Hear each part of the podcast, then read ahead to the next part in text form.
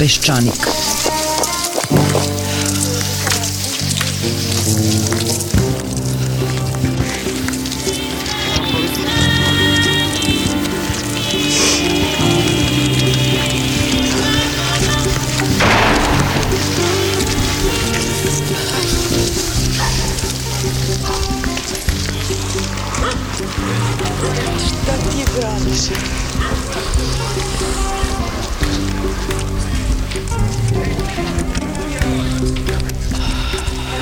Peščanik.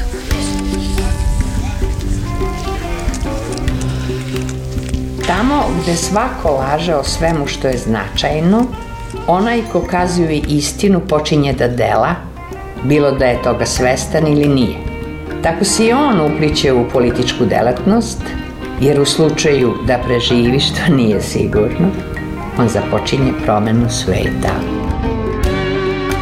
U anketama u kojima se od ispitanika traži da navedu ko je najveći neprijatelj srpskog naroda, Albance, Hrvate i Amerikance uskoro će zameniti kiša.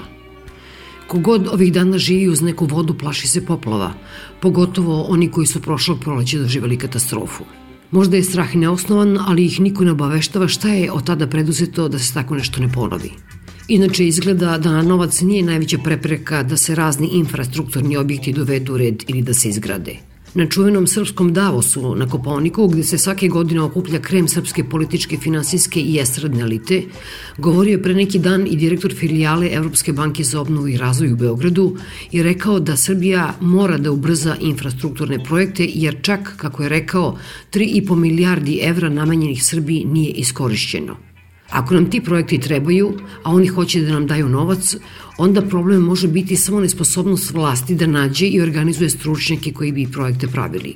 Nije samo predsednik države polopismen čovek koji već služi za sprdnju jer misli da se na društvenim mrežama poruke ostavljaju tako što im se telefonira. Izgleda da je državni aparat pun ljudi koji jednostavno nisu sposobni da smisle ništa pametno i održivo što bi Evropska banka pristala da finansira. Ova i prethodne vlasti su rasturile institute i fakultete, ukinuli im sredstva, namestili na rukovodeće ljude svoje najbednije kadrove i sada očigledno nema ko da smišlja projekte, a da pri tome ne pokuša da makar trećinu novca ne prebaci na svoj račun ili račun stranke koje mu je posao dala. Izgleda da evropljani ne veruju toliko u Vučićevu borbu protiv korupcije koliko domaća javnost, iako je i njih kao i nas nedavno ubeđivao da je, na primjer, rešio sve slučajeve one čuvene 24 sporne privatizacije. A među njima su, da se podsjetimo, i privatizacije Luke Beograd, Pančevačke azotare, Novosti, Smederske železare, C-marketa – Taj spisak je odavno napravio Savet za borbu protiv korupcije, Vučić ga je prigrlio kao svoj, a onda uhapsio Miškovića i još nekoliko desetina direktora i zatvorio slučaj. Taj isti Savet za borbu protiv korupcije ovih dana je zauzeo mesto ombudsmana i postao nova, najomraženija državna institucija predsednika vlade i njegovih saradnika. A povod je najnoviji izveštaj o vlasničkoj strukturi medija i modalitetima na koji država, odnosno vladajući partije, kontrolišu medije u Srbiji. Naši današnji sagovornici su Saša Radulović, nekadašnji ministar privrede, sada predsednik pokreta Dosta je bilo, koji je zajedno sa Miroslavom Milenović, našom drugom današnjom sagovornicom, godinama pomagao tužilaštvu i policiji da ispitaju na koji način su privatizacije u stvari pretvorene u veliku pljačku. Sa Miroslavom Milenović, koja je i članica Saveta za borbu protiv korupcije, smo naravno razgovarali i o najnovijim izveštajima o medijima ali najpre o Vučićevom proglašavanju pobede nad 24 sporne privatizacije, odnosno njegovi tvrdnji da je taj problem definitivno rešen. Što se tiče 24 predmeta, oni nisu završeni. Nalaze se u različitim fazama, ali ono što je zajedničko za većinu od njih je da se nalaze u predistražnim radnjama. To znači da jako dugo godina faktički se nalazimo u jednom trouglu da želimo da pronađemo određene dokaze, da ih možda nađemo, da ih možda držimo po fiokama i da zapravo ne znamo na koji način i kako bi nezavisno pravosuđe radilo. To je što se tiče ta 24 predmeta, ali ne postoje samo 24 predmeta, postoje na stotine, na stotine predmeta. Moje profesionalno zvanje je forenzični računovođe i ja od 2007. godine, zahvaljujući Američkom e, ministarstvu pravde, pomažem specijalnom tužilaštvu u predmetima u kojima oni smatraju za shodno da treba da im se, da im se pomogne. Kako vi, gospodine Radulović, objašnjavate da je predsednik vlade Vučić nekako završio tu priču, očekirao je negde pred novu godinu kao neki novogodišnji poklon i to rasformiravanje tih uh, radnih grupa. Pa mislim da, da su očigledno uh, poslužili političkoj svrsi zbog koje je i podignuta tolika priča. O njima uh, ovaj, više ne služe očigledno ničemu, pa pokušavaju da ih se otarase i da to nekako ovaj, skrenu sa strane. E, ja sam se uključio u ovu obuku kako tužilaca, tako i policije zajedno s Miroslavom negde 2008. godine, tad smo se i upoznali, pošto naše Ministarstvo pravde i Ministarstvo unutrašnjih poslova ima sporazume potpisane sa raznim međunarodnim organizacijama koje pomažu u obuci. Kod nas nije bilo mnogo iskustva sa tim, imamo jedno socijalističko nasledđe, tamo nije bilo privrednog kriminala u današnjem ovaj, smislu te reči. E, uglavnom je bilo da neko ukrade neke male pare za sebe, jeli, ali ovo, ove šume po, povezanih pravnih lica, prevare u tom nekom kontekstu, pranje novca i tako dalje, toga tad nije bilo. Mislim da je očigledno ovo poslužilo ovaj, svojoj političkoj svrsi, da je zloupotrebljen rad Verice Barać, odnosno njeno ime, pošto ovaj, svi ti predmeti i sve što je govorila u tim predmetima, da su ti predmeti praktično zaustavljeni i da nemamo nikakve informacije o tome šta se, šta se dalje dešava i to što ste rekli je tačno, te radne grupe su rasformirane. Ja mislim da je to objašnjenje koje smo dobili krajnje licemerno. Ja mislim da su i ti ljudi koji su radili na tim predmetima poprilično ogorčeni zato što su uh, zaista mnogo toga otkrili i ovaj, od toga očigledno uh, nema ništa. Ako je ta priča o 24 privatizacije i njihovom ispitivanju poslužila svojoj svrsi, kao što ste rekli, aktualna vlast nije odgovorna za većinu njih. Zapravo to se dešavalo u periodu pre njihovog dolaska na vlast, Zašto bi ona imala interes da sada to zaustavi? Pa ja mislim da je to e, sprega biznisa i politike kod nas i ovaj ljudi koji su e, izbjegli krivično gonjenje, odnosno koji izbjegavaju krivično gonjenje, praktično su i veliki financijeri, mnogi stranaka, uključujući e, i stranku na vlasti tokom ovih godina. O tome se mnogo govorilo u javnosti i ja mislim da ne postoji više interes da se bilo šta sa tim uradi. Inače, mi imamo jednu duboku partokratiju u društvu koja je praktično pojela sve, sve pored društva i partije su se nakačile na svaki izvor novca, uključujući biznis, ne samo budžetskog novca, nego i ovaj novca preko burazerskih firmi koje e, su ili kroz privatizacije došle do velike imovine i onda opteretile tu imovinu velikim hipotekama, izvukli novac iz tih firmi i većinu ostavili da idu u stečaj. Recimo Luka Beograd je ovaj, u jednom stečajnom postupku, ne znam tačno u kojoj fazi je to trenutno. Znači, to je jedan modalitet koji je korišćen u većini privatizacija i ovaj, razgovarat ćemo malo o tome kako se to konkretno radilo. Tako da ta veza očigledno postoji, postoji veza sa medijima, što pokazuje i ovaj izveštaj Saveta za borbu protiv korupcije iz 2011. godine, kao i ovaj najnoviji izveštaj.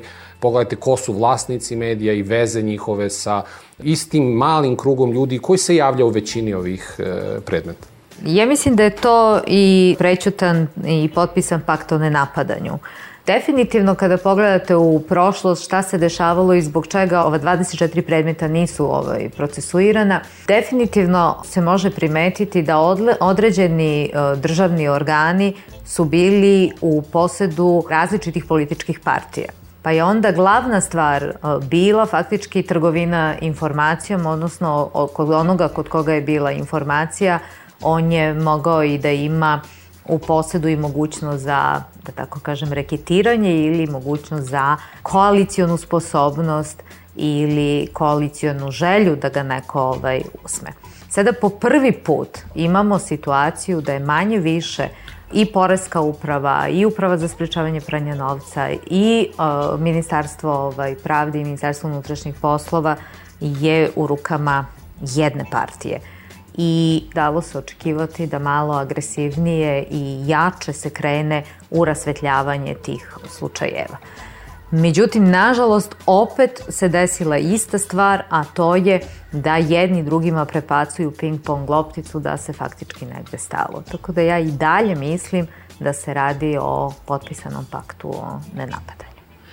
Malo čas ste rekli da ili obećali da ćete nam na nekim od tih slučajeva objasniti kako to funkcioniše. Bilo koji od tih 24 predmeta koji se izaberu, oni su poprilično dobro obrazloženi, ali evo o spomenutom predmetu Luke, gde je podneta krivična prijava Saveta za borbu protiv korupcije, gde tužilaštvo je pokrenulo protiv određenog broja lica, ali ne protiv svih koje je pomenuo u krivičnoj prijavi ovaj, savet, još uvek je predmet u fazi nekog veštačenja šta se zapravo tu dogodilo. Ali ono što je vrlo čudno, to je da gde god je oštećena država, oštećeni su i mali akcionari.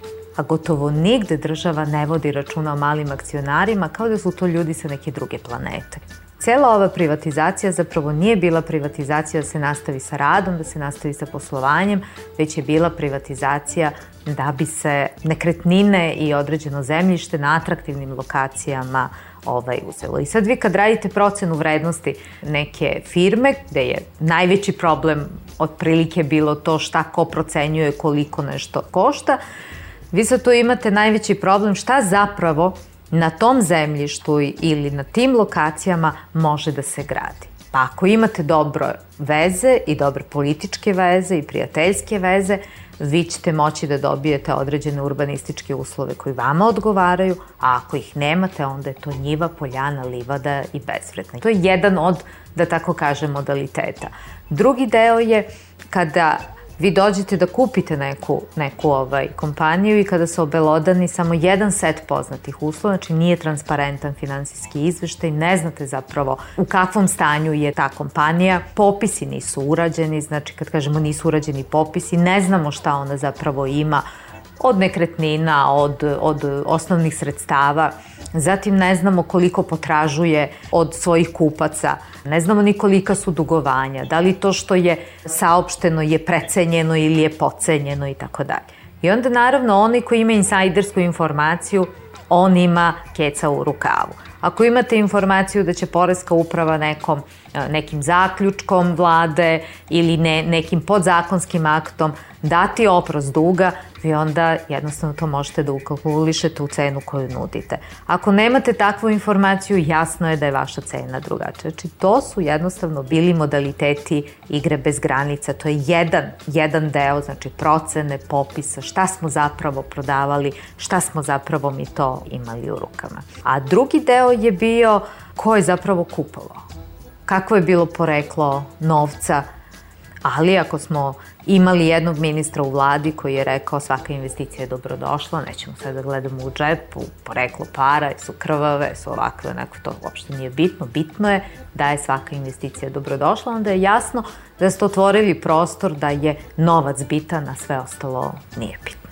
Najčešće zaboravimo da da su to sve zvezda do zvezde, od Sartida, Azotare, Luke, C Marketa, pa i ovaj ATP Vojvodina. Novosti. Novosti, novosti večernje novosti, da bome. Tako je. I sad ne znam da li je tačno vest da je, su nadležne institucije iz Evropske unije pozvale nedavno gospodina koji je vlasnik autotransportnog preduzeća Vojvodina, a to je nekako usledilo neposredno pošto je saopšteno da je zastarao proces protiv gospođe Maje Gojković koja je u to vreme bila gradonačelnica i da su građani Novog Sada morali da plate 4 miliona evra kao nadoknadu štete zbog prekida tog ugovora. Učinilo mi se možda malo neobično, možda za vas nije, da se oni toliko interesuju za jednu relativno mali posao u odnosu na ove uh, mastodonte o kojima govorimo kada je u pitanju pa, privatizacije. Ona nosi još jedan prizvuk vrlo nečeg, da tako kažem, čudnoga, uobičajenog koji se dešava u ovim postupcima. Najčešće se dešava da vi imate jedan izveštaj saveta koji nosi, na primer, naziv ATP Vojvodina i koji obrađuje upravo privatizaciju koja se desila i na način na koji se ovaj, desila. A zatim imate postupak koji se vodi za poresku utaju gde se optužuje onaj koji u ovom prethodnom slučaju u suštini bio oštećen. Ne ulazeći uopšte da li postoji i jedan i drugi slučaj, ja samo kažem da dolazi do zloupotrebe imena izveštaja i saveta kada se procesuira nešto sasvim drugo. To se isto desilo kod Jugoremedije i opet ne ulazeći uopšte da li ima elemenata, nema elemenata i tako dalje, hoću samo da skrenem pažnju da se radi o dva potpuno različita predmeta, a onda se radi jednostavno zamena teza da se procesuiraju određene stvari. Ove stvari o kojima je Miroslava govorila su bile i prve stvari koje smo radili kad smo ušli u Ministarstvo e, privrede, ovaj, kad sam postao ovaj, ministar i Miroslava je bila takođe sa mnom u ministarstvu kao posebna savjetnica, je bilo da se prvo utvrdi stanje. Znači, da biste mogli da privatizujete bilo šta, prvo valjda treba da, da utvrdite kakvom imovinom raspolažete, da vidite kakve su obaveze u pitanju, da obračunate sve kamate, kome ste sve dužni. Vrlo često potraživanja koje radnici imaju uopšte nisu bila ukalkulisana. Mnogoborone tužbe koje su na sudu takođe nisu bili ukalkulisani, pa ni kamate koje su ovaj, preduzeće trebalo da plate. Radi se o ogromnim iznosima, odnosno velikim razlikama. Zatim ne znate ni ko su kupci, ko su dobavljači, koji su ugovori potpisani. Znači ništa se ne zna o kompaniji, nego se privatizuje haos. Kad se privatizuje haos, onda dobijete haos. Mi smo napravili jednu, jedan veliki sistemsku grešku za koju ne verujem da je slučajna, a to je nismo rešili pitanje prava korišćenja na zemljištu pre nego što smo ušli u privatizaciju. Imamo jedno nedefinisano pravo sa kojim jeste ili nije vezano pravo građenja, I onda su u takvom jednoj e, situaciji oni koji su imali dobre veze sa političkim strankama, uglavnom državnim organima, mogli da grade nešto, ovi drugi to nisu mogli da rade, a procena vrednosti nekog zemljišta direktno zavisi, kao što je Miroslava kazala, od toga šta mogu da gradim na tom zemljištu. Ako imam u centru Beograda, na primjer, jedan komad zemljišta na kome urbanistički plan kaže da mora da bude park, za bilo koga ovaj, finansijski vrednost tog zemljišta je nula. A ako kažem na tom zemljištu može da se gradi 1000 kvadrata, vrednost je jedna, ako kažem 10.000 kvadrata, vrednost je potpuno druga. Znači, mi smo ušli u privatizaciju bez da uopšte rešimo ovaj, to pitanje namene građevinskog zemljišta i uopšte pravni status tog prava korišćenja i onda se ta imovina procenjivala ovaj, ovako ili onako. Pa recimo, u privatizaciju bilansima preduzeća je to pravo korišćenja procenjeno na nula, A onda posle toga, nakon privatizacije, novi vlasnik uspeva da, recimo, banci založi deo tog zemljišta po ceni od 20 miliona evra, 30 miliona evra. Uzme kredit o tom iznosu gde je ovo zemljište ovaj, obezbeđenje za, za tu imovinu. To imamo u čitavom nizu ovaj, predmeta i ta tehnika se jako često koristila, bez da uopšte naprave promenu u njihovim bilansima. Znači, bilansi i dalje pokazuju kao da nemaju nikakvu imovinu, a uzeli su kredit recimo od 20 miliona evra. Onda se taj kredit isisava iz kompanije i izvlači na njihove druge firme, koje su uglavnom pre, u nekim offshore zonama i praktično ta firma opterećena velikim dugovima gura u stečaj. Ono što je interesantno kod nas je ovo je bilo nešto o čemu smo dosta razgovarali kad smo obučavali policiju i tužilaštvo. Stalno se javlja pitanje kako to može vlasnik firme da ošteti sobstvenu firmu. Imate jednu firmu koja ima mnogo poverilaca. Dužna je velike pare. Jel? E sad vlasnik, umesto da vraća novac poveriocima, napravi svoju novu firmu ili je već imao pre privatizacije. Vrlo često, recimo, neko ima građevinsku firmu i uđe u privatizaciju druge građevinske firme. Njega interesuje profit u toj njegovoj firmi. Ne interesuje ga ni profit, ni šta se dešava sa ovom firmom koja ima velike poverioce, nego gleda da uradi šta, da iz nje izvuče što više novca. A to radi raznim ovaj ugovorima, fiktivnim ovaj ugovorima, naduvanim ugovorima kojim sebi plaća, ne, pla, ne plaća nikom dru, drugom i praktično izvuče sav, sav novac iz tih firmi. Pa se recimo kod ovog primjera zemljišta imate da e, firma nakon privatizacije proda mada to ovaj, nije dozvoljeno, ali proda pravo korišćenja njegovoj povezanoj firmi, onda preko jedno, tri, četiri e, druge firme, na kraju se pojavi i dobije građevinsku dozvolu da gradi na toj lokaciji, pa kad prodaje ovaj, od, od privatizovane firme svojoj firmi, onda je cena niska, odnosno nikakva, a posle toga kad prodaje dalje, odnosno kad traži kredit od banaka, onda se javi ovaj kredit od 20 miliona evra. Pa onda situacija u kojoj naše firme su imale recimo imovinu u Hrvatskoj, na moru, na primjer, i to ne bude nigde u bilansima, nigde se ne javi i pojavi se nekako čudom nakon što se privatizacija desi.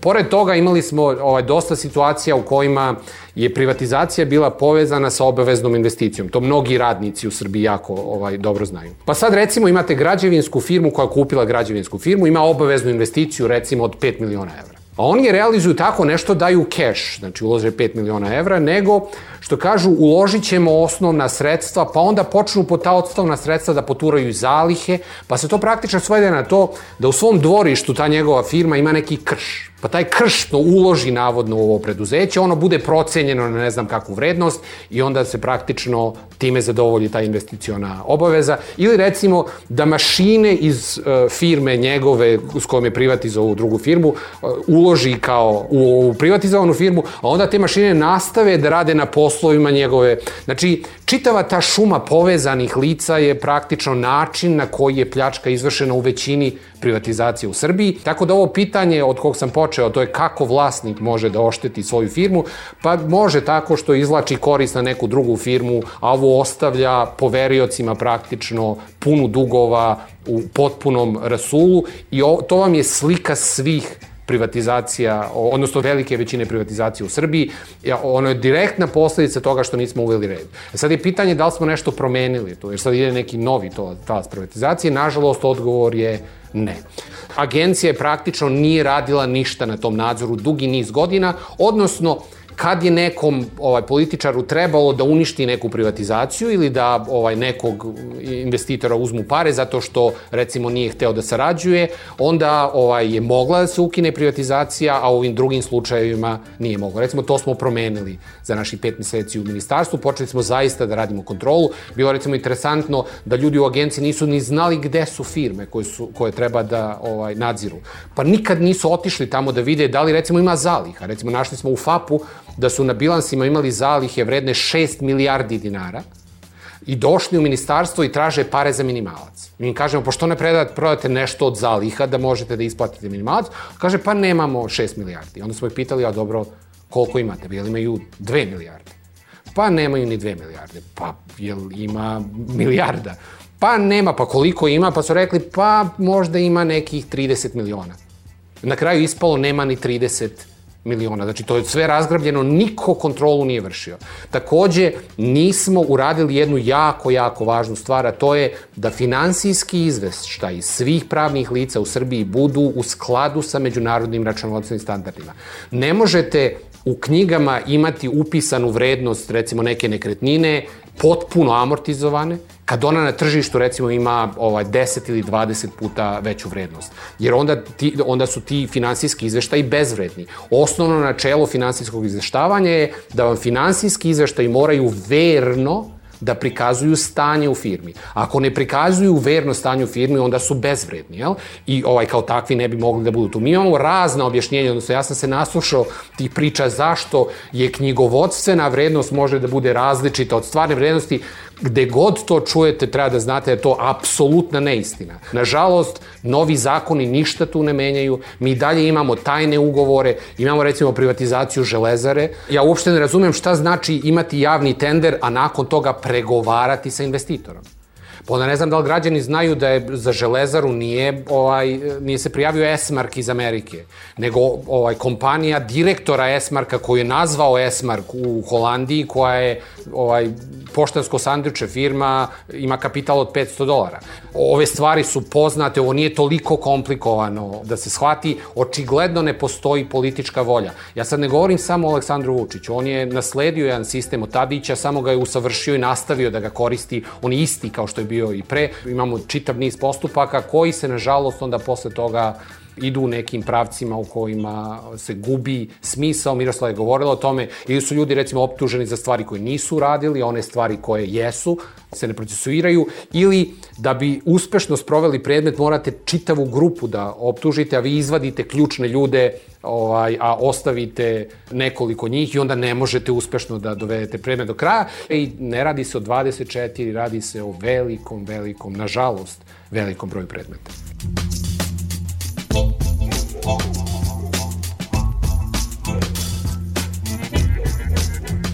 Ali samo da se vratim na finansijske izveštaje, to mi je vrlo važno. Bilo je i nekih onako izjava kao pa ne, to je samo kao knjigovodstvena neka vrednost i da naježim prosto. Znači, finansijski izveštaj je krvna slika, DNK jednog preduzeća. Ako vi kažete da je taj finansijski izveštaj đubre, vi ste rekli da to preduzeće vi ne znate zapravo šta je. S obzirom da sam forenzični računovođa, znači ja kada uzmem finansijski izveštaj i kada uzmem bruto bilans jednog preduzeća, ja mogu da vam ispričam sve o tom preduzeću. I šta je bilo, i u kakvoj je situaciji, i šta će biti. Prema tome, te računovodstvene kategorije, knjigovodstvene kategorije, to je gubitak samo na papiru, ja se ješim toga. Ja dugo godina i u policiji i u tužilaštvu zastupam teoriju da u određenim krivičnim delima, kada imate manipulaciju sa finansijskim izveštajima, imate aktivnu participaciju računovođe. Vi imate situaciju da banke odlaze u stečaj, da revizori koji su samo par meseci pre toga potpisali da su finansijski izveštaji tačni i da oslikavaju pravu finansijsku sliku i poziciju, ne odgovaraju i ne gube licence imate situaciju da naši državljani ne mogu tek tako da otvaraju nerezidentne račune u inostranstvu. A evo sada čujemo i ova banka u Švajcarskoj i tako dalje, imamo veliki broj naših državljana, neki jesu na privremenom radu, pa ima logike da imaju tamo račune, ali neki nemaju apsolutno nikakvog razloga, pa imaju tamo račune. Pa je sada pitanje ko je ikada odgovarao zato što je otvorio nerezidentni račun negde u inostranstvu. Znači imate neku normu radi norme, a faktički ništa. Pa dobro, to je organizovani haos, izvinite, to ipak ne može, nisu Tako. toliki diletanti, to mora da Tako. da se radi u velikoj meri svesno. Be, da. Berza je poseban primer kod ovih finansijskih izveštaja. Na Beogradskoj berzi je kotirano sada, bilo je preko 2000 kompanija i ovaj, one su se pojavile tamo po sili zakona, odnosno po zakonu o privatizaciji. Kad se nešto kotira na berzi, ono mora da ima jasne i čiste finansijske izveštaje svuda u svetu. Inače se zove smeće. Znači, junk je ovaj, oficijalan naziv za akcije kod kojih nemate pojma šta kupujete.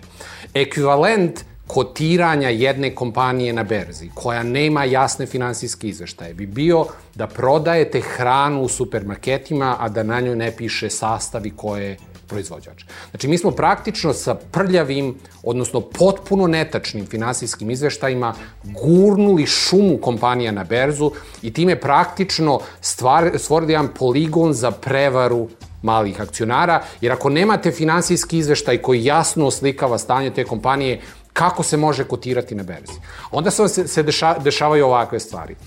Kad pokušaju da nagovore male akcionare da im prodaju akcije, onda naprave par fiktivnih trgovina. Recimo, firma je vredna 10 miliona evra, jel?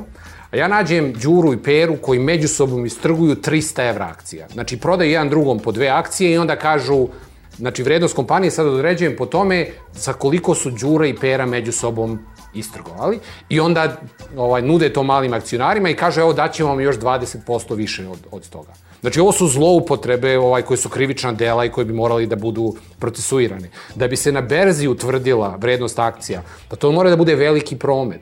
I onda imamo i situaciju u kojim posle država aktivno učestvuju u toj prevari, nagovara male akcionare, a to se desilo u dosta ovih e, e, predmeta, da prihvate jednu potpuno nerealnu vrednost akcija i da ovaj to prihvate kao stvarnu vrednost. Ja govorim o, o zaista ovaj degutantnim onom pocenjivanju vrednosti imovine koji ide od 10 do 100 puta, znači dva reda veličine. I, ovaj, I naravno, mali akcionari se osjećaju prevarenim, radnici se osjećaju prevarenim, slušaju državu, a država im kaže to je sve po zakonu. Da nam date primjer gde su mali akcionari onako drastično oštećeni? Luka Beograd baš su drastično ovaj, oštećeni. Ja čak mogu da upotrebim i jedan malo teži izraz namagarčani od strane države bilo je za očekivati, znači da mali akcionari nisu doktori nauka, analitičari, da računovođe, revizori, advokati, da moraju znati sve, država ih je jednostavno sjajno ovaj, instruirala i, i vodila putem ovaj, teškog oštećenja. U kojim je slučajevima uh, otišlo pred Međunarodni arbitražni sud? Da je država zapravo raskidala ugovore sa kupcima i onda gubila na tom sudu. Kada posmatramo uopšte te ugovore koji su ovaj, zaključivani i ti mnogobrojni aneksi s kojima su se nešto produžavali, određeni ugovori ili menjali ti osnovni ugovori i tako dalje, onda se da zaključiti da zapravo pravila nema nego da je diskreciono pravilo to koje je carovalo. Znači, diskreciono pravilo da li ćete u nekoj privatizaciji imati 40 aneksa ili samo jedan ili samo dva i tako dalje.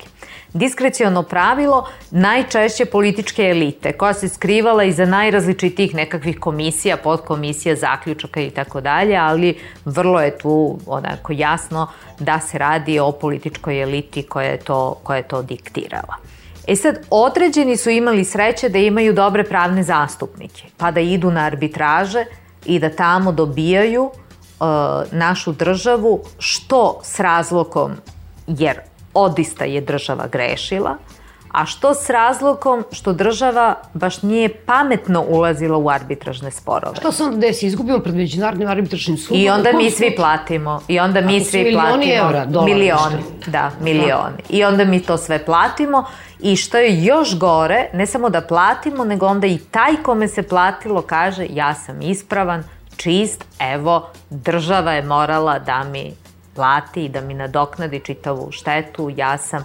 legitimni investitor sa velikim i. Ili je to slučaj putnik ili neki drugi slučajevi? Znam da je ovaj Ilić dobio. Pa jako mnogo slučajeva, uključujući taj slučaj. Znači, to je ovaj, jako, jako mnogo toga. Pretpostavimo da ovo što mi govorimo nije tačno. To se leči tako što se ovaj dokumenti iz tih arbitraža daju na uvid javnosti, pa javnost može da vidi kako su zastupani interesi države. Interesantno je kod ovih finansijskih izveštaja, da se vratim ponovo na berzu. Na berzi u Srbiji danas ima oko 1200 kompanija. Od toga osam kompanija je kotirano na berzi i zadovoljava uslove berze. Znači da ima čiste izveštaje revizora, da ima finansijski izveštaje prospekt i sve ostalo. Imate oko 200 kompanija koji imaju prospekt nemaju ovaj dobre finansijske izveštaje, nego su napisali prospekt. Imate 800 kompanija koje nemaju ni prospekt, nemaju ništa. I to je kotirano na berzi. Onda se mi pitamo zašto su toliki mali akcionari e, prevareni. Pa to je, to je deo haosa koji smo stvorili.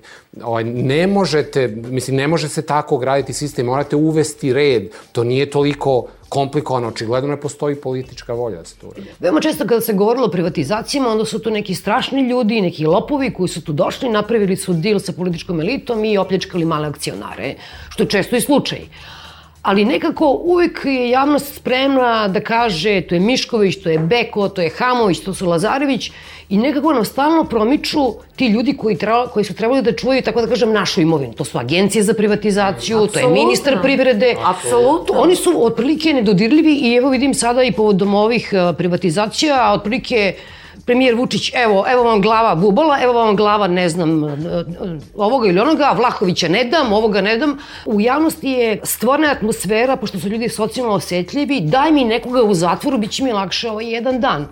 Ali nekako taj sistemski deo, taj udeo države i državnih institucija u svemu tome, bez toga ne bi moglo da pa se radi sistem, sve to. Pa, sistemska korupcija, jer faktički ovde se radi o setovanju sistema, o usvajanju određenih zakona, podzakonskih akata, najrazličitijih uredbi, zaključaka vlade, koji su zapravo dozvolili da se sve ovo što se desilo i desi.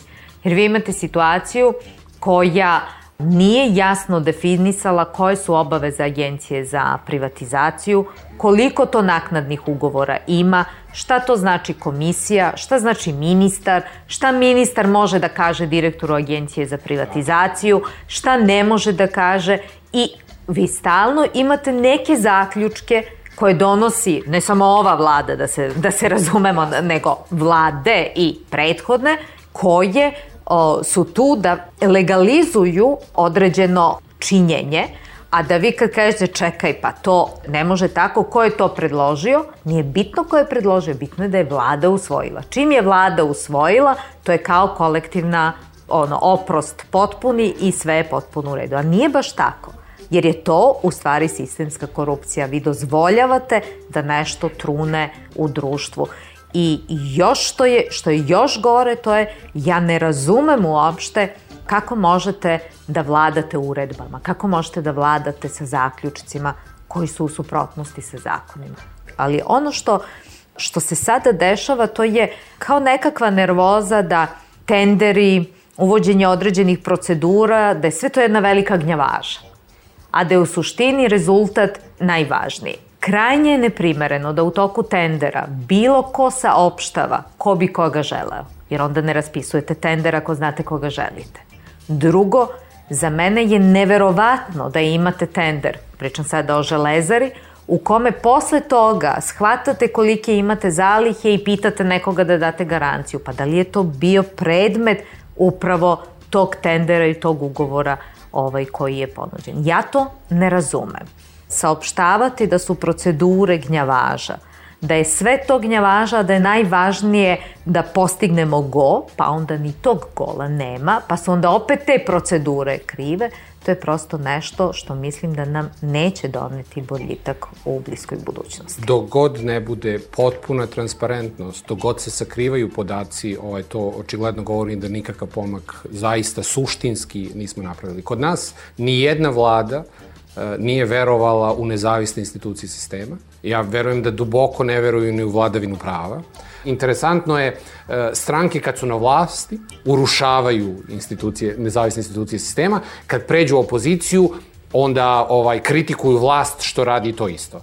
Sašu Jankovića su kritikovali i pre i sada i ovaj kritikovaće ga svi, odnosno svima smeta zato što radi svoj posao. Recite mi jednu vladu koja nije pokušala da vrši ovaj, uticaj na pravosuđe. Najgor, ja sam glasač demokratske stranke na svim izborima do izbora 2012. godine kad sam bio Beli listić. Pre toga je bila ona ovaj, nazovi reforma pravosuđa 2009. godine. Ja posle toga nisam imao više ni jedno pitanje. To je verovatno najgora stvar koja je urađena nakon 5. oktobra e, na ovamo. Ne može se po kafanama se praviti spiskovi sudija i tužilaca. Mislim, to tako ne ide. Vi morate da verujete da tu postoje tri grane vlasti, da želite da imate tri grane vlasti zato što nam je civilizacija dala odgovor na neka pitanja, da je to neophodno. Treba da verujete u slobodu medija, da bez ovaj, slobodnih medija nema demokratije i da gradite takav sistem jer je to dobro društvo za sve nas, a ne da gledate kako da iskrivite sistem kako bi sebe zadržali na vlasti što duže, a to je očigledno odlika svih političkih partija u Srbiji, bez obzira na kom nivou se nalazi. Da podsjetim, nije SNS na svim nivoima vlasti.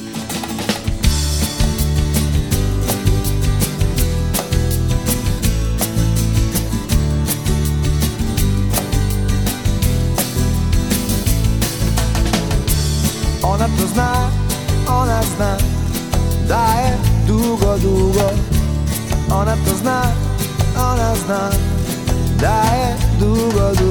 volim već Volim, volim.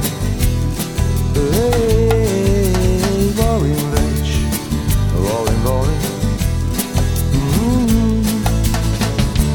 Molim je da, molim je Da mi bar jedan put. Molim je da, molim je Da mi bar jedan put veruje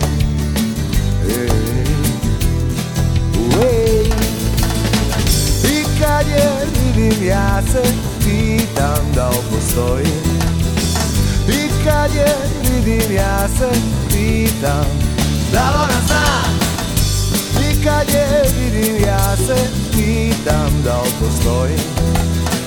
I kad je vidim ja se ona zna, ona zna da je ludo,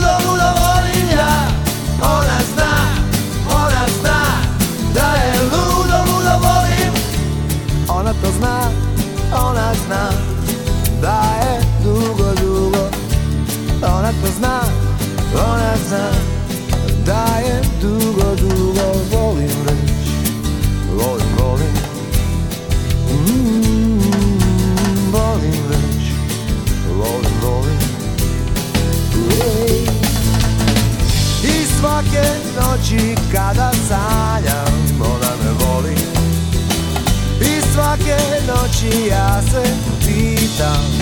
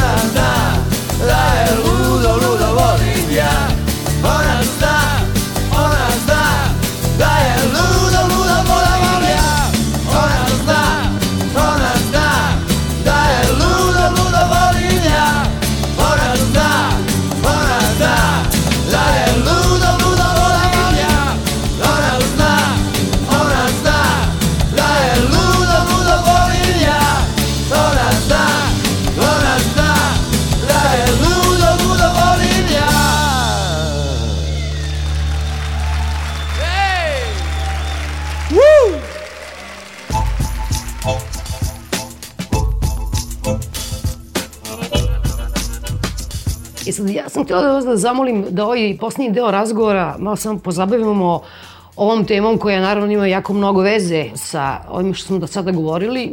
To je korupcija, to je jedna nelegitiman način na koji država utiče na medijsku scenu u samoj Srbiji. E sad, zajednički mentor ponovo je Savet za borbu protiv korupcije koji je i 2011. godine objavio svoj izveštaj. Zaista je to frapantno da mediji, praktično većina je odbila da to uopšte progovori o tome. Sad nešto nije mnogo bolja situacija ili nešto bolja situacija povodom ovog izveštaja koji je objavljen bukvalno pre nekoliko dana. Da li izvršna vlast, tada je bila jedna, sada je druga, da li ima razlike u ponašanju? Pa ono što je novo da ništa nije novo. Znači sve ono što je pisalo u izveštaju koji je radila Verica Barać 2011. u ime Saveta. Preporuke koje su tada da, date, one se nalaze integralno i u ovom izveštaju. Pomaka nema. Koji su najozbiljniji problemi? Netransparentno vlasništvo medija, netransparentno finansiranje medija, pa sad da li kroz direktna budžetska davanja, kroz najrazličitije subvencije, kroz najrazličitije programsko finansiranje gde imate partijske komisije koje odobravaju sredstva ili gde posle toga nemate adekvatnu kontrolu tih odobrenih ovaj, sredstava, pa sve preko davanja određenih poreskih olakšica ili preko o, tolerisanja ili otpisivanja određenih dugova prema RRA i Ratelu. Ono što je različito je da je Savet po prvi put imao sastanak sa resornim ministrom. Međutim, ono što je mene začudilo je da je onda resorni ministar izjavio da nije pročitao izveštaj, tako da mi onda nije jasno što smo mi pričali tri i po sata. Mi e, negde u julu mesecu, to je za dva, tri meseca, moramo da završimo privatizaciju desetine i desetina e, medija, I to su veliki mediji, to nije šala, to je i Tanjug, to je i politika i mnogi e, drugi lokalni mediji. To je prosto nemoguće da se uradi ukoliko se ne zna ko je vlasnik tih medija. I vi ste došli do zaključka koji kada je u pitanju vlasnička struktura tih medija koje ste vi ispitivali? Vlasnička struktura je vrlo slična kao i 2011. Znači, dominantno je netransparentno vlasništvo. Mi ne znamo ko je krajnji vlasnik. Mi ovde uvodimo još jedan pojam, a to je kvazi transparentno vlasništvo. To je kada u Agenciji za privredne registre za određeni mediji postoji XY lice koje je upisano kao vlasnik, a zapravo i javnost i zaposleni i novinari koji rade u tom mediju percipiraju potpuno drugu osobu da je, da je vlasnik. E sad, kada pričamo o medijima koji treba da se privatizuju, tu imamo vrlo specifičnu situaciju, na primjer kada govorimo o politici, gde zajedno sa državom sedi neko i mi ne znamo ko je taj neko i mi ne znamo to godinama. Sadašnji premijer kada je bio podpredsednik 2012, podpredsednik vlade 2012 saopštio da je to Bogićević, da je on kupio taj deo vlasništva politike. Ja moram da kažem da izučavajući vlasničku strukturu politike mi nismo uspeli da nađemo relevantan dokaz koji bi to potkrepio. Komisija za zaštitu konkurencije je sprovodila ovaj određeni postupak i to moram reći ne u vreme kada je trebala za medijsku koncentraciju povodom te kupovine, Ona je donela odluku o zabrani prodaje udela ruskoj kompaniji koja se vodi u Agenciji za privredne registre kao vlasnik 50% politike i zaključila da nije u mogućnosti da to dostavi na adresi tog pravnog lica. Znate, kada na adresi pravnog lica ne postoji pravno lice, to pravno lice je fantom. I to je sada pitanje ko je zapravo u suvlasničkom odnosu i sada ako idemo na privatizaciju koja treba da se završi evo, vrlo, vrlo brzo, ko će da dođe? Može da dođe samo isti taj koji zna ko je, ali kredibilna ovaj, izdavačka neka kuća da dođe i da uđe u partnerski odnos sa nekim, a ne znamo kime, ja to ne mogu da razumem. I ne mogu da razumem da živim u državi koja nema mehanizme vlasti da ispita i da saopšti svojim građanima ko je kupio politiku, dnevnik i novosti. Kao što ne znamo ko je kupio B92. Tačno je, mi ne znamo ko je. Iza toga stoji kastodi račun Raiffeisen banke. Da pojasnim šta to znači. To znači najrazličitiji investitori se nalaze sada objedinjeni u jednu grupaciju i trguje se preko tog računa akcijama B92. Ja se samo plašim da mi iz te netransparentnosti pređemo u ovu kvazi transparentnost, da jednostavno imamo Raju i Gaju i Vlaju koji su vlasnici, a da oni više nisu. Ali mnogo važnije sad od tog dela vlasništva su tokovi novca i zapravo na koji način se finansiraju mediji. Ono što mi ovoga puta nismo uspeli da utvrdimo to je koliko kolika je vrednost tog medijskog tržišta i vrlo jasno da bude zbog čega nismo mogli da, da utvrdimo. Zato što jedan deo dolazi iz budžeta, kako ovaj, republičkog, tako i o, pokrajinskog, tako gradskog, lokalnih budžeta, I ne samo sa razreza Ministarstva kulture i informisanja, već, na primer, sa razreza Kancelariju za Kosovo i Metohiju. Milionski iznosi su išli isto tako za medije, a i sa budžetske rezerve.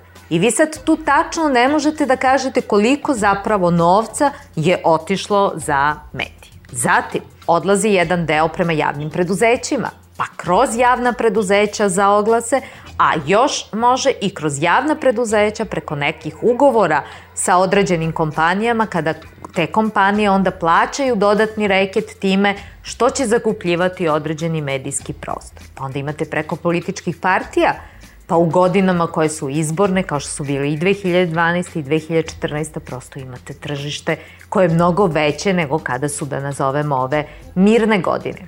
Tako da oceniti koliko je zaprava vrednost tog, mi nismo bili u stanju. Onda smo pošli sa druge strane, pa smo rekli, dobro, hajde da krenemo od tiraža novina.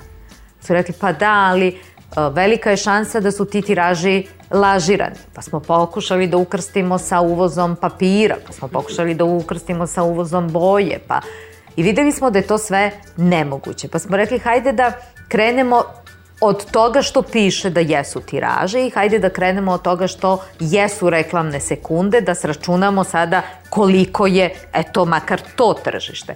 Pa smo onda videli na primjeru RTS-a da jedna sekunda može da ima raspon cene od 1 do ne znam nija koliko, u zavisnosti da li iz kompenzacije, da li ide preko marketiških agencija koje onako u lotu kupuju, pa posle toga preprodaju da vi prosto ne možete da sračunate kolika je vrednost tog, tog tržišta. A te marketičke agencije, da, vi ste u izveštaju vidim napisali da je tu došlo do neke radikalne promene. Ne, došlo je samo ne. do prekomponovanja, ne. Samo je došlo do... Da, ne. Da. Samo su se imena prekomponovala, modaliteti su ostali ali, potpuni. Ali potpuni. po političkog prekomponovanja. Da, da, da. Isto kao što mogu da se vide te komisije koje dodeljuju za određene projekte, da su one isto tako na svim nivoima politički vođene, ne stručno, znači pre svega politički. Pa onda kada pogledate a, isto ko sedi u nadzornim i upravnim odborima, isto tako možete da vidite da isto i tu postoji poprilična smena kada dođe do, do smene ovaj, vlasti. Jako mnogo u stvari političara iz vladajućih stranaka ima supruge, očeve, majke, sinove koji su vlasnici sve većeg broja medija, uglavnom lokalnih za sada, mada ne samo i lokalnih medija, da. Ministar da, Gašić je pa bio, ja pa se on recao... Da, da, ja izbegavam da govorim tu o pojedinim ličnostima, pre svega jeste, taj fenomen postoji. Postojao i postojeće. Nije problem što neko ima medij, neka se time bavi nadležna institucija za sukob interesa ako sukoba interesa ima. Ali ono što je za mene fenomen to je da ti mediji na lokalnom nivou, na pokrajinskom nivou dobijaju novac iz budžeta. To je za mene neprimereno. Jednostavno neprimereno i mi smo ovde o konkretnim transferima novca smo, smo ovaj, pisali, ali to da li se radi o ministru, da li se to desilo 2012. 2014. 2013. nije tema. Tema je da to u jednom normalnom i civilizovanom društvu treba da bude zabranjeno. Ne treba da mi polemišemo o tome da neko ima televizijsku stanicu već ne znam nija koliko godina i da je to potpuno normalno, a da zaboravimo da kažemo da u ovom izveštaju mi nismo pisali o tome kao o novitetu i to nije ništa novo konstatovali smo to i konstatovali smo da postoje transferi novca i to popriličnih vrednosti. A onda ako postoje transferi novca, onda je to direktni uticaj politike. Pošto će privatizacija biti izvršena veoma brzo, da li imamo bilo kakvu garanciju, zakonsku, uredbe, šta god da se zove, da neće jedan čovek, mlađan iz Vojvodine, da se prijevi da kupi sve, nemamo, praktično. Nemamo, nikakve, nemamo nikakvu garanciju, mi o tome i pišemo u izveštaju, skrećemo pažnju, pišemo koji su sve mediji sada na privatizaciji, na tom preliminarnom pozivu ko se sve javio i skrećemo pažnju da opet ne bude kupovina nekretnina, da se malo povede računa i o poreklu novca i o tome šta će se raditi sa tim medijama i zašto će oni, zašto će oni služiti. Ali ako vi projektno finansiranje 2012. 13. 14. imate na nivou Kikirikija, a sada e, na budžetskoj liniji Ministarstva za kulturu i informisanje su opredeljena poprilična sredstva. Ja se nadam da će i biti transparentno, znači da će biti formirana komisija od strane stručnjaka, da će ta sredstva biti transparentno podeljena, to bi bio jedan dobar pomak ka, da tako kažem, nezavisnim medijima koji bi imali dobre projekte. Ali, ako ne kontrolišete za dobar projekat način i kako su te pare potrošene, to je onda opet jedno ruglo faktički šta radite. Jer mi smo to u izveštaju napisali da je bilo nekoliko situacija da su određeni mediji dobili um, sredstva za projekte koji su uh, vrlo lepo um, obrazloženi, vrlo, vrlo logično, da tako kažem, da dobiju ta sredstva, a na kraju su pravdali sa papirom, a, utrošenom strujom, telefonom i tako kafom i tako dalje, što je krajnje, krajnje neprimereno. Pa to isto imate i kod, i kod RTS-a, koji je uh, javni servis uh, građana koji ulazi u određene koprodukcije sa određenim producentskim kućama, gde na bazi ugovora se prebacuju određena sredstva, da posle nikakve kontrole nema. I to je ustanovio Vrhovni državni revizor u svom izveštaju 2012. godine i mi postavljamo pitanje – šta je resorno ministarstvo i vlada, šta su uradili preko upravnih nadzornih odbora, pre svega u RTS-u, da se uvede kontrola trošenja novca. To su kao ničije pare, a to su u stvari naše, naše pare. Pa kada pogledamo u svetlu toga da ne, ne kontrolišemo način na koji se troše pare, a smanjujemo penzije, onda je to poprilično onako teška tema. Znate šta, izgradnja institucija je jako težak ovaj, i dugotrajan posao. A mi te institucije koje još uvek nisu stale na svoje noge, jednostavno ih bombardujemo i razgrađujemo. Pa imali smo napad na Šabića, pa napad na Jankovića, pa mogu sada da kažem u proteklih nekoliko dana stvarno i napad na Savet za borbu protiv korupcije i to na način da se prikazujemo kao Šešeljevi i Radulovićevi ovaj, uh, savetnici. Savet je kurije oko svakoj vladi. To nije ništa, ništa novo, ne samo ovoj, nego svim, svim vladama.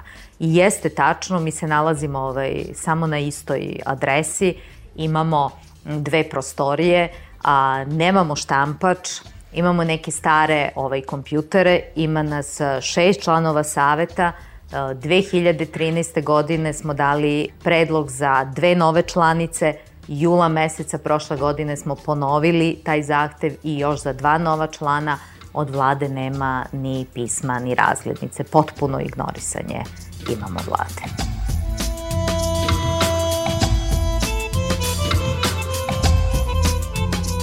Bio je ovo Pešanik, govorili su Saša Radulović, nekadašnji ministar privrede, a sada predsednik pokreta Dosta je bilo, i Miroslava Milenović iz Saveta za borbu protiv korupcije.